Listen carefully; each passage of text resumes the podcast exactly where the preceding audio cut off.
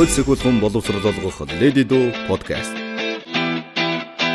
Сайн байцгаана уу эрхэм хүндэт сонсогчдоо. Хууль сэгүүлхэн боловсрол олгох Lady Do podcast-ийн маань энэ удаагийн дугаар эхэлж байна. За Lady Do podcast маань бас хэсэг хугацаанд завсарлсан. Ингээд хэсэг хугацаанд завсарсныгаа дараагаар бид нар бас та бүхэндээ эрх зүйг энгийнээр гэсэн бас мото дэвшүүлээд одоо энэ удаагийн дугаараа бэлтгэж байгаа. Тэгээд энэ удаагийн зочноор дотоод хэргийн их сургуулийн эрх зүй нийгмийн ухааны сургуулийн хувийн эрх зүй тэнхимийн ахлах багш, хууль зүйн ухааны доктор, дид профессор Цагдаагийн дэд турандаа Ж нэмд улам хүрэлцэн ирсэн байна. Танд энэ өдрийн мэндийг хүргэе. За сайн байна уу? Эрхэм сонсогчдод та бүхэнд энэ өдрийн мэнд хүргье. За баярлалаа.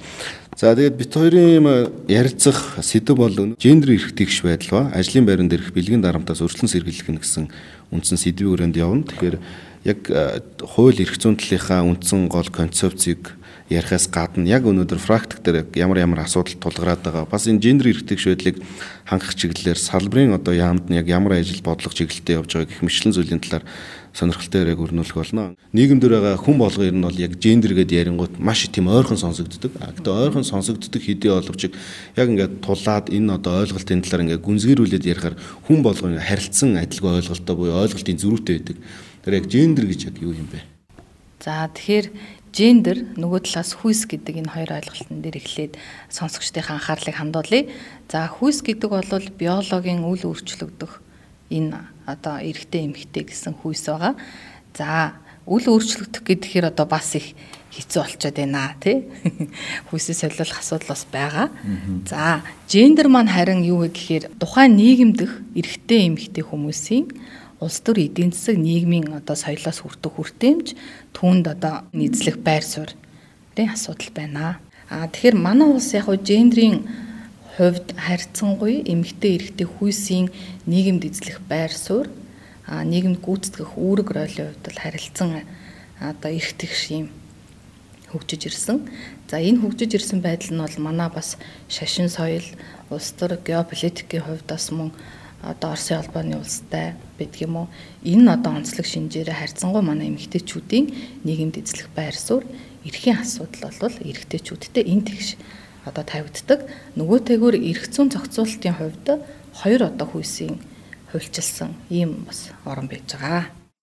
Цаашлаад гүнзгийрэх юм бол яг таны сүүлд хэлсэнчлэн нөгөө эргэтгэж байдал гэдэг байгаа тийм. Тэгэхээр гендер эргэтгэж байдлын нөхцөл байдал нь яг Монгол улсад ямар түвшинд байгаа юм За магадгүй нөө доктортой хөгжлийн зорилтын хүрээнд ч гэсэн 2030 он хүртэл бол охид эмэгтэйчүүдийн одоо эрх хэмжээг нэмэгдүүлэх, байр суурийг бэхжүүлэх тэр чиглэлийн бас одоо ажлууд хийгдэх бас ингээд зорилго болон твшээ явж байгаа шүү дээ. Энэ тал дээр дэлгэрүүлж ярив. Охид эмэгтэйчүүдийн эрхтэг шойдол, нийгэмд эзлэх байр суурийн талаар ер нь бол яг эрх зүйн зохицуулалтын хувьд бол 2011 онд гендрийн эрхтэг шойдлыг хангалттай хууль батлагдсан. Тэгэхээр энэ хуулиар бол төрийн тусгай албанаас бусад албуудад эмэгтэй эрэгтэй алба хаагчдын хүйсийн харьцааг зааж өгсөн.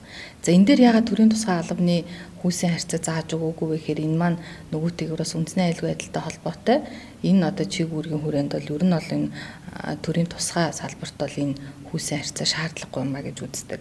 За энэ гендрийн эрхтэг шийдлийн хэрэгжилтийн талаар бол гендрийн үндэсний хороо болон За хүний эрх үндэсний комиссийн хуулийн хэрэгжилтийн талаар маш их судалгаа хийсэн байдаг. За манай салбарт буюу ялангуяа энэ аюулгүй байдал, хууль сахиулах салбарт энэ гендрийн асуудал яагаад яригдах болов гэхээр нөгөө төрөний доктортой хөгжлийн бодлого за үүнтэй уялдуулаад нэгдсэн үндэсний байгууллагын одоо протоколууд за тэгээд үүнтэй холбоотой ялангуяа сүүлийн үед инхийг сахиулах ажиллагаанд дах одоо цэргийн оролцоотой холбоотой нэгдсэн үндэсний байгууллагаас бусад улс орнуудад өгж байгаа зөвлөмжөд ер нь эмэгтэй хувь сахиулагч эмэгтэй цагдаа нарыг төлхөө оролцуулах ийм одоо шаардлага зөвлөмжүүдийг хөрвүүлж байгаа.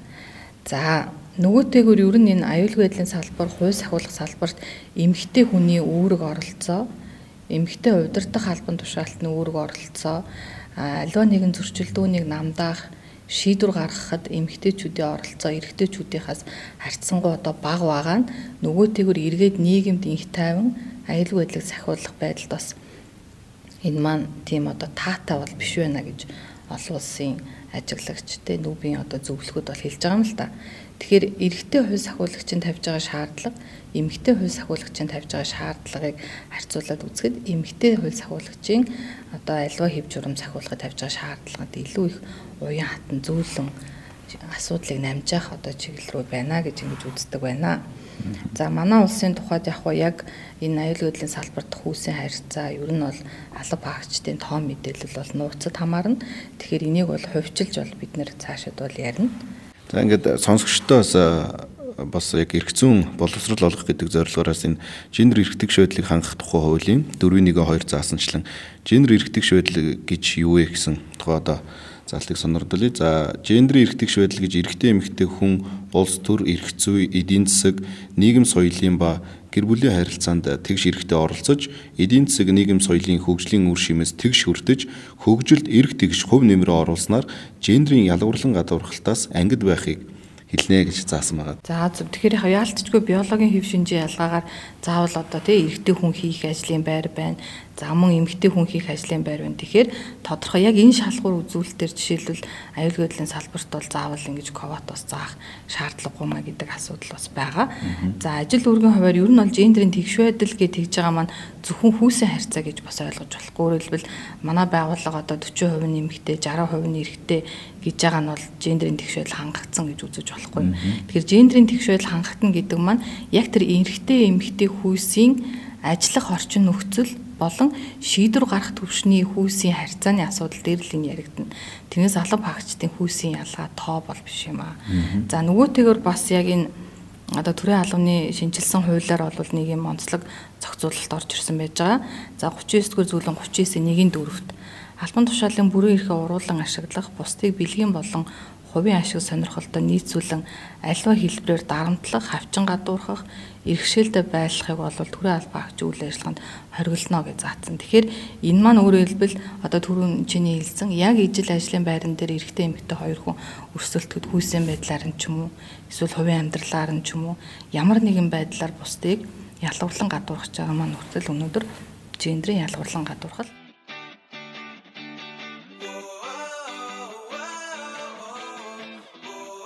Гендер эрхтгч байдлыг ер нь хангах чиглэлээр Монгол улс яг ямар бодлого барьж байгаа юм. Ялангуяа яг энэ бодлогыг одоо хэрэгжүүлэх үндсэн чиг үүрэг бүхий хууль зүйн дотоод хэргийн яам гэдэг юм уу те яамны зүгээс яг ямар зарчимтай ямар бодлоготой явж байгаа юм бэ? А хууль зүйн дотоод хэргийн яам бол 2016 оноос хойш ер нь манай салбарт бол гендрийн бодлогыг баримтлах зүйтэй эмэгтэйчүүдийн оролцоо шийдвэр гаргах төвшөнд эмэгтэйчүүдийн оролцоог нэмэгдүүлэх чиглэлээр бол анхлан одоо бас энэ салбарын бодлогын баримтчиг байх ёстой гэж ингэж үзээд 16 оноос ер нь бол энэ талаар нэлээд ажлууд хийгдсэн.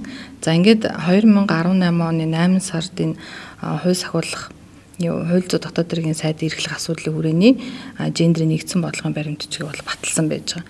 Тэгэхээр энэ бодлогын баримтчигийн дийлэнх нь бол энэ одоо дотоод хэргийн их сургуулийг түшиглэж хэрэгжихээр энэ бодлогын баримтчиг байж байгаа.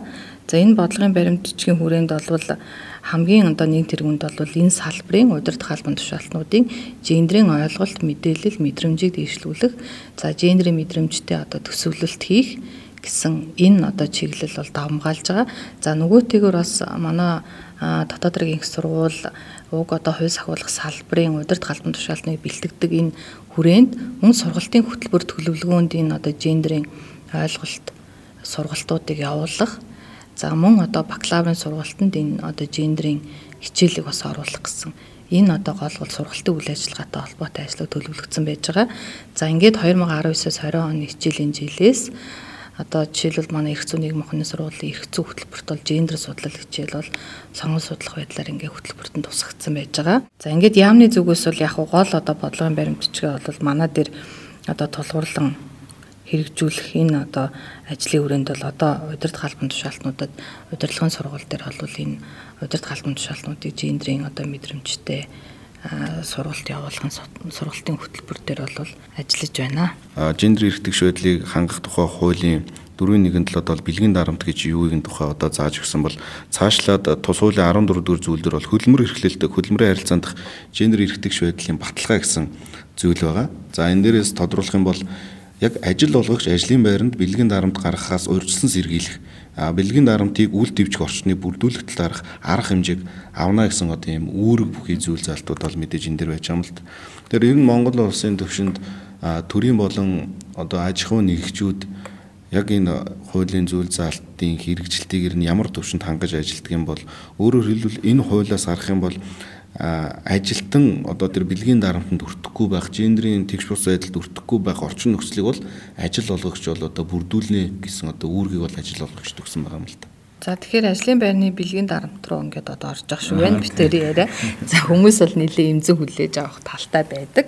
Өөрөөр хэлбэл тухайн байгууллага дээр очиж сургалт хийхээр нэг хатар одоо бэлгийн дарамтанд өртцсөн болохоо байгаад сургалт авч байгаа юм шиг. Ер нь яг хүлээж авах мас жоохон тийм байдаг. Тэгэхээр яг ажил олгогчийн зүгээс бол мэдээж тийм одоо ингээд орчин бүрдүүлэх юм үүргүүд бол хүлээсэн байж байгаа. Тэгэхээр яг судлаачийн хувьд харахад эхлээд бид нар бол одоо сэтгхүйдээ энэ энэ бол зөрчил юм шүү те. Энэ одоо хүний эрхийг бас ямар нэгэн байдлаар хүний эрхэд халдж байгаа үйлдэл юм шүү гэдгээ хумсралан ойлгох юм хэрэгтэй байгаад байна бид нар эрх зүйн зохицуулалт эрх зүйн орчин бол маш хангалттай бас байна гэж үзэж болно. Харин хэрэгжүүлэх болон иргэдийн одоо ухамсар сэтгэлгээний дэлийн соёлыг суулгаж өгмөр байна. Ажлын байран дээрх бэлгийн дарамт маань яг уу яг ажил үүргээ гүйцэтгэж яваад юм уу тий ажлын байран дээр одоо бас үүснэ гэж тий хэлж болохгүй юм. Ажлын одоо байран дээр биш тий ямар нэгэн бусад одоо орчинд ч үүсэхгүй. Тэгэхээр ямар нэгэн байдлаар ашиг сонирхлын байдаг юм уу? Хувьд хамааралтай энэ хүмүүсийн хооронд үүсэж байгаа асуудал юм. Энэ хүний эрхийн үндэсний комиссоос гаргасан юм судалгаа том мэдээг бас сонирдуулъя. Тухайлбал 2016 оны эмэгтэйчүүдийн сангийн судалгаагаар ажлын байрны бэлгийн дарамтанд өртсөн хүмүүсийн одоо 97.5% нь бол эмэгтэй. А 2.5% нь бол одоо эрэгтэй байсан гэдэг тэгж амлалт. Тэгээд сүүлийн 96-аас 7 жилд бол ажлын байрны бэлгийн дарамттай холбоотой ер нь яг өргөдөл гомдлын тоо бол эрс нэмэгдсэн гэж үзээд байгаа. За мэдээж энэ бэлгийн дарамтад өртсөн хохирогч хинд хаана хандах вэ гэдэг бас хуулийн зохицуулт байж байгаа. А тухайлбал гендер эрхтэг шийдлийг хангах тухай хууль дээр Монгол улсын хүний эрхийн үндэсний комиссд бол хандгаар хуульчилсан байгаа. За гендрийн эрхтэн шийдлийг хангах хуулиар бол бас нэг ололттой зохицуулт нь энэ гендер суурилсан хүчирхийлэл ажлын байрны бэлгийн дарамтыг хэрхэн яаж одоо шийдвэрлэх төр процедурыг нэг одоо цухас дурдаад өнгөрсөн байж байгаамаа. Тэгэхээр ер нь бол одоо тухайн ажилтан өөрийгөө ажлын байрны бэлгийн дарамтанд өртлөө гэж үзэх юм бол хүний эрхийн үндэсний комиссд гомдол гарах хэрэгтэй байж байгаа. Үн өвөтэйгөр өөрөө гарахгүй махэд тухайн ажилтны нэрийн өмнөөс бас ажилтан одоо гаргаж болно гэж. За шийдвэрлэх процессын асуудал нь бол яг тухайн байгууллага өөрсдийн одоо тэр дотоод хяналт байдаг юм уу бусад байдлаараа асуудлыг шалгаад ингэж явах. За мөн одоо хөдөлмөрийн тэр одоо дотоод тэр журам дээр энэ одоо процессын асуудлыг зааж өгнө гэд уг нь хуулийн дээр байгаа юм. А яг энэ ажлын байранд дах одоо энэ бэлгийн дарамтын үйлдэлийг бол одоо ор зөрчил болон гэмтэр гэж хуульчлаагүй байгаад байгаа. А ингэхээр нөгөө хүний эрхийн үндэсний комисс яах вэ гэхээр гомдлын шийдвэрлээд эргүүлээд тухайн байгууллага руу одоо зөвлөмж хөрвүүлнэ. За тэгээд одоо зөвлөмж хөрвүүлээд ингээд одоо түүний хэрэгжилт бол байдал нь бол тухайн байгууллагын удирдах албан тушаалтын үзэмжийн асуудал гэж бас шууд хэлж болно тийм.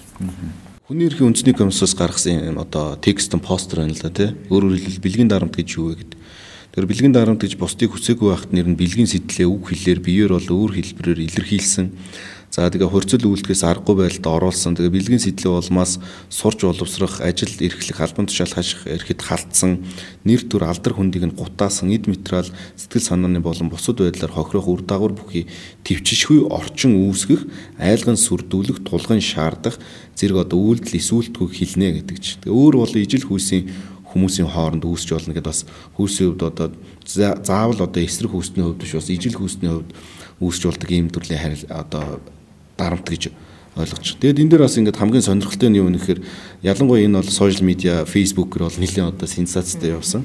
Тухайлбал бэлгийн дарамт нь дараах хэлбэрээр илэрдэг ба үүгээр хязгаарлагдахгүйгээ энэ дээр нэг 10 төрлийн одоо бэлгийн дарамтын илэрх хэлбэрийг бол дурдсан байгаа юм л.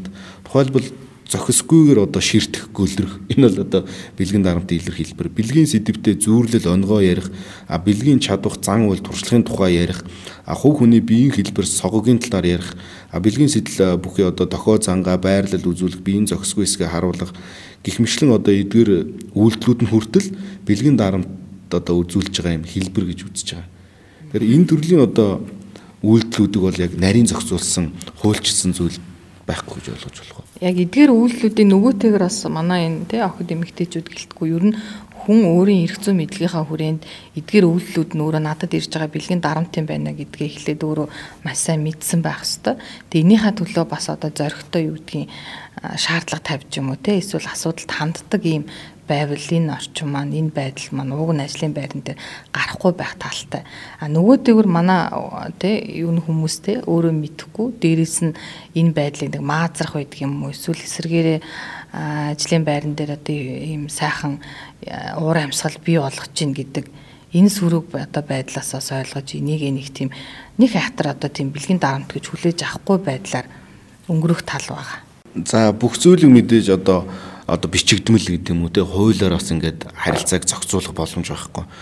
А зарим харилцааг бол мэдээж таны хэлдгээр одоо сэтгэлгээний төвшөнд, оюун санааны төвшөнд, ёс зүйн хувьд, ёс суртахууны төвшөнд гэдэг юм уу тодорхой хэмжээгээр бас шийдвэрлэж явах хэрэгтэй. Тэгэхээр подкастыг подкастыг маань сонсож байгаа эрхэм сонсогчд магадгүй энэ одоо бэлгийн дарамт орсон гэж үзвэл магадгүй одоо саяхан хэлсэнчлэн эдгээр одоо юм зүй бус харилцаа таны ажлын байран дээр эсвэл орчин тойронд чинь үүсч байх юм бол энэний эсрэг одоо бас дуу хоолойгоо хүргэдэг. А энэний эсрэг байх гэм зарчмыг баримталдаг а шаардлага гарвал бас таны эрхийг хангах одоо гендер эрх тэгш байдлыг хангах одоо бэлгийн дарамт гэсэн одоо энэ дарамтаас өрцөн сэргийлэх хамгаалах эрх зүйн зохицуулалт бол Монгол улсад бас байдаг юм шүү гэж одоо хэлэхэд бас таатай байна.